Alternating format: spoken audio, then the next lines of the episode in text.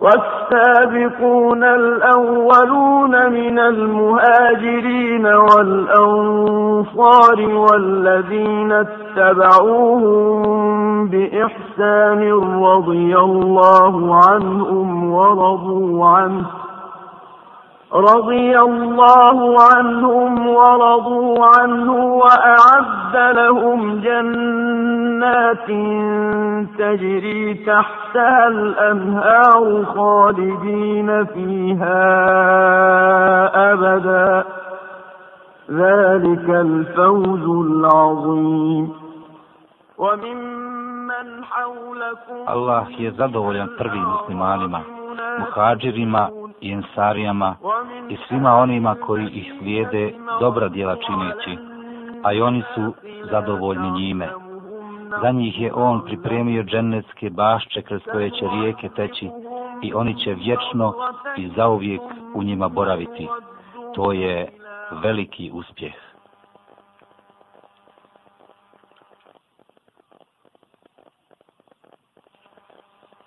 U ime Allaha milostivog samilosnog. Mi smo naredili čovjeku da bude poslušan roditeljima svojim. Majka ga nosi, a njeno zdravlje trpi i odbija ga od dojenja u toku dvije godine. Budi zahvalan meni i roditeljima svojim, meni će se svi vratiti. Ako te budu nagovarali da drugog meni ravnim smatraš, onoga o kome ništa ne znaš, ti ih ne slušaj i prema njima se na ovom svijetu velikodušno ponašaj, a slijedi put onoga koji se iskreno meni obraća. Meni ćete se poslije vratiti i ja ću vas o onome što ste radili obavijestiti.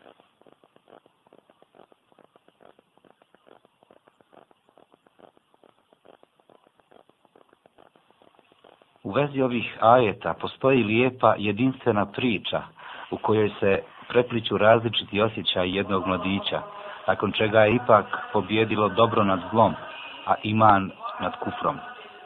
Junak ove priče je mladić od najčasnijih mladića po porijeklu Meki i najplemenitijih porodica i po ocu i po majci. Taj mladić bijaše Sad ibn Ebi Vekas. Allah bio zadovoljni s njim. U vrijeme pojave svjetlosti Islama u meti Sad bijaše mladić u najljepšim godinama života, uzorna morala i ponašanja, blage naravi, a naročito pažljiv i poslušan bijaše prema svojim roditeljima. Njegova ljubav prema majci je bila opet nešto posebno. I pored toga što je Sad tada tek uzeo 17. godinu, isticao se ozbiljnošću koja se mogla naći u iskusnih ljudi i mudrošću koja je bila odlika staraca.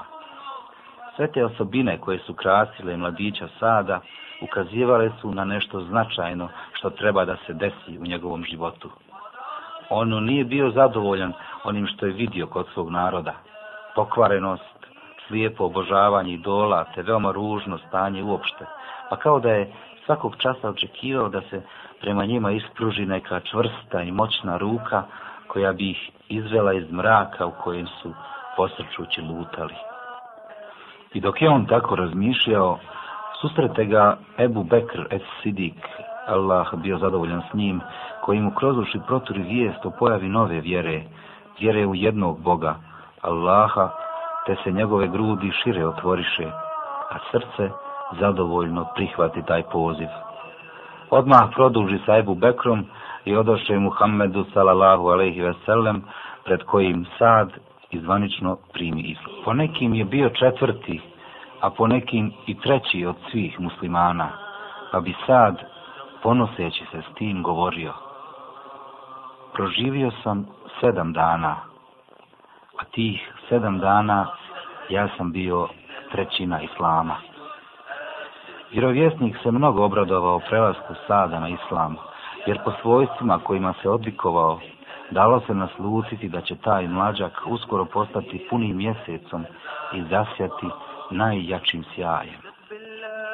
Osim toga, sadova plemenita loza i porijeklo kojem je pripadao izazvat će želju kod mnogo drugih mekanskih mladića da pođu njegovim putem i da slijede njegov primjer. Pa Povr svega toga, sad pripadaše plemenu Zuhrije, a to su dajđe vjerovjesnikove, jer iz tog plemena je bila i Amina, majka Muhammedova, sallallahu alaihi veselem.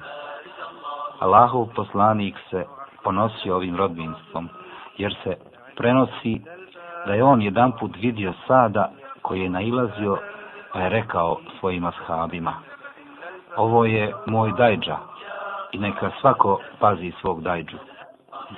Međutim, prelazak sada na islam nije prošao malo lahko u njegovoj porodici, tako da mirni mladić bi stavljen na teško iskušenje i gorko iskustvo, koje je svojom težinom i značajem bilo razlog da uzvišeni Allah u vezi toga objavi određene kuranske ajete. Prepustimo riječ Sadu, neka nam on prepriča ovo svoje teško iskušenje što je proživio. Tri noći prije nego što sam primio islam, sanjao sam kako se gušim, lutajući u nekoj tmini kojoj nigdje nema kraja. Dok sam ja pokušavao da pronađem neki izlaz, odjednom mi puni mjesec osvijetli put, pa ja krenuh tim pravcem. Kada stikoh na cilj, vidjeh grupu ljudi koji su me prestigli i već bili u centru te svjetlosti. Raspoznah Zeid ibn Harisa, Aliju ibn Ebi Taliba i Ebu Bekra es Sidika, pa im rekoh, otkada ste vi ovdje?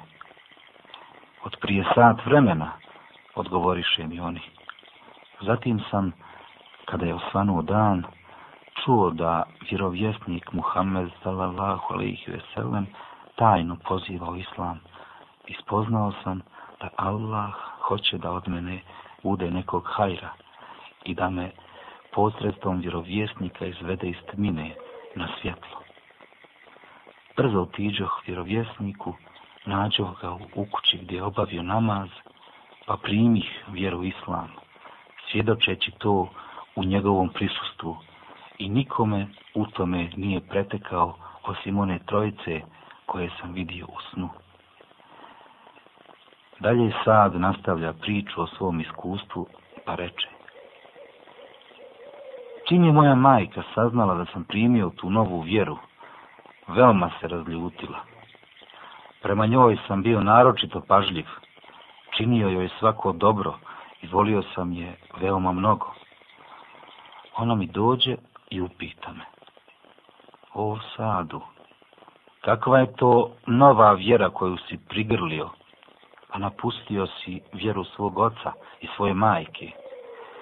Boga mi, sve dok se ne vratiš vjeri pradjedova i ne odbaciš tu vjeru, ja neću ništa jesti ni piti, pa ako umrem i tvoje srce će uvehnuti od tuge za mnom, ti ćeš se gorko kajati zbog tvog postupka, a ljudi će te ružiti i kuditi dok si god živ. Rekoh joj, ne čini to, majko, jer ja neću svoju vjeru ostaviti tek tako. Ali ona učini kako se zarekla i zaprijetila, ostavi i hranu i piće i tako provede nekoliko dana ne i ne pijući ništa njeno tijelo oslabi, kosti na licu se počeš isticati, a snagu poče gubiti.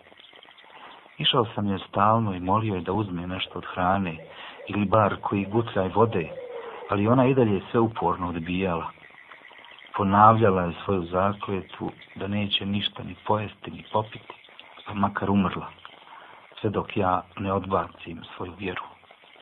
Ja joj tada rekoh, o majko, ja tebe zaista toliko volim, ali više volim Allaha i njegova poslanika i tako mi Allaha kad bi ti imala hiljadu duša, pa ti jedna duša iza druge izlazila, ja opet ne bih svoju vjeru napustio.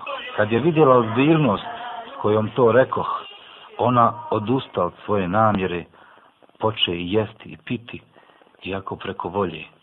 Tako da Allah Đelšanuhu u vezi nas objavi časne ajete.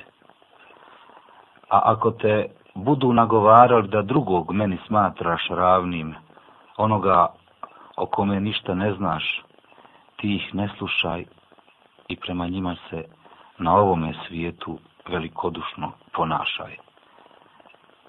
Dan prelaska Sada ibn Ebi Vekasa na islam je bio jedan od najznačajnijih i najkorisnijih za muslimane. فلا تعجبك أموالهم ولا أولادهم إنما يريد الله ليعذبهم بها ليعذبهم بها في الحياة الدنيا وتزهق أنفسهم وهم كافرون ويحلفون بالله إنهم لمنكم وما هم منكم ولكنهم قوم لو يجدون Na dan Bedra Sad i njegov brat Umeir su odigrali veoma veliku i značajnu ulogu i za islam i za muslimane.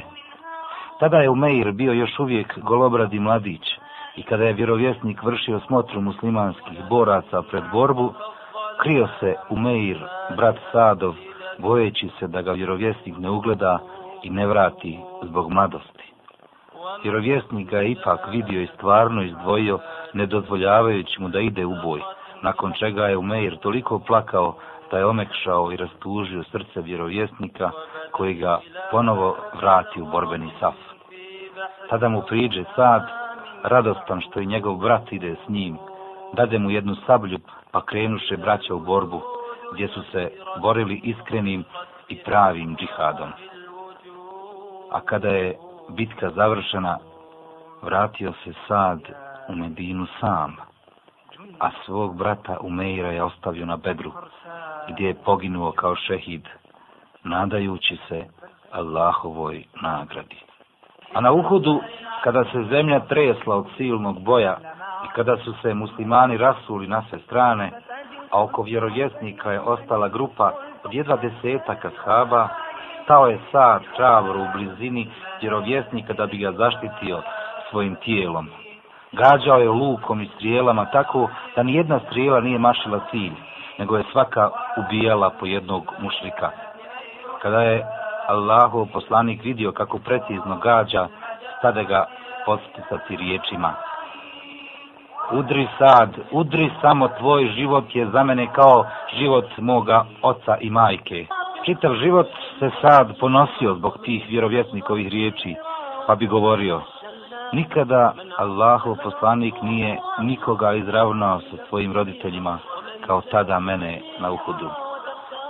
Ali vrhunac slave sad je dostigao tek u vrijeme drugog halife Omer El Faruka, dok su vođeni žestoki ratovi protiv Persijanaca, kojima su muslimani uzdrmali prijestolje njihovog cara i bili im velika smetnja zbog uništavanja dugogodišnjeg idolopoklonstva gdje god bi stigli.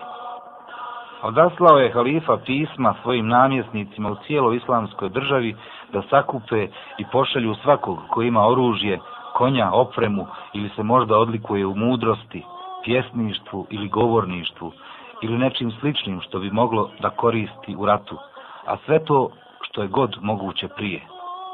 Kolone muđahida su počele da dolaze iz svih krajeva i kada se velika vojska sakupila, halifa se sa najodabranijim i najiskusnijim ashabima počeo dogovarati kome da povjeri komandu nad muslimanskom vojskom i da ga imenuje za emira glavnog zapovjednika shabi mu jednoglasno odgovoriše, to zaslužuje samo neko hrabar kao lav, a to je Sad ibn Veka. Omer, Allah bio zadovoljan s njim, pozva Sada da mu povjeri Bajrak i komandu nad vojskom. Kada je vojska krenula iz Medine, Omer je savjetovao Sada. O Sad, nemoj da te zanese slava pa da pomisliš kako će ljudi govoriti za tebe to je dajđa i drug Allahova poslanika. Jer Allah neće loše dijelo izbrisati sa lošim, nego će loše izbrisati samo zbog nekog dobrog dijela. O sadu, zaista između Allaha i njegovih robova nema rodbinstva niti posredništva, osim poslušnosti i pokornosti. Najugledniji ili najbjedniji bili Ljudi su kod Allaha jednaki. Allah im je gospodar, a oni su njegovi robovi i prednost imaju samo po bogobojaznosti. Kod Allaha će postići uspjeh samo pokornošću. Dobro se sjeti kakav je bio pravac Allahova poslanika i toga se pridržavaj, jer drugog puta nema. A 310 ashaba koji su islam prihvatili od ugovora na Hudejdi i preko tri stotine onih koji su učestvovali sa vjesnikom u osvajanju meke kao i sedam stotina sinova Ashaba. Krenuo je Sad sa svojom vojskom da bi se ulogorili na Kadisiji, gdje se četiri dana vodio teški boj, a kada je nastupio odlučujući dan, muslimani ga učiniše danom obračuna. Navališe na dosta brojnijeg neprijatelja, suzdiše ga i stegnuše kao što lanci stegnu s vezanog čovjeka. Krenuše u bojnim redovima uzvikujući La ilaha illallah, Allahu Ekber, sve dok se glava Rustuma, zapovjednika persijske vojske, nije ukazala visoko u zraku nabodena na muslimansko koplje, a odsječena muslimanskom sabljom. Nakon toga strah i panika obuzeše srca Allahovih neprijatelja, tako da bi musliman dolazio do nevjernika i ubijao ga sa njegovim oružjem. Plijena što se tiče, to se teško može opisati. Ako pitaš za pobijene neprijatelje, dovoljno ti je da znaš da je samo broj onih koji su se bježeći pogušili u rijeci dostigao cifru od 30.000. Allah bio zadovoljan s njim dugo. Allah ga je obdario velikim bogatstvom, ali on kada mu se smrt prikučila, zatražio stari vuneni ogrtač i rekao prisutnima.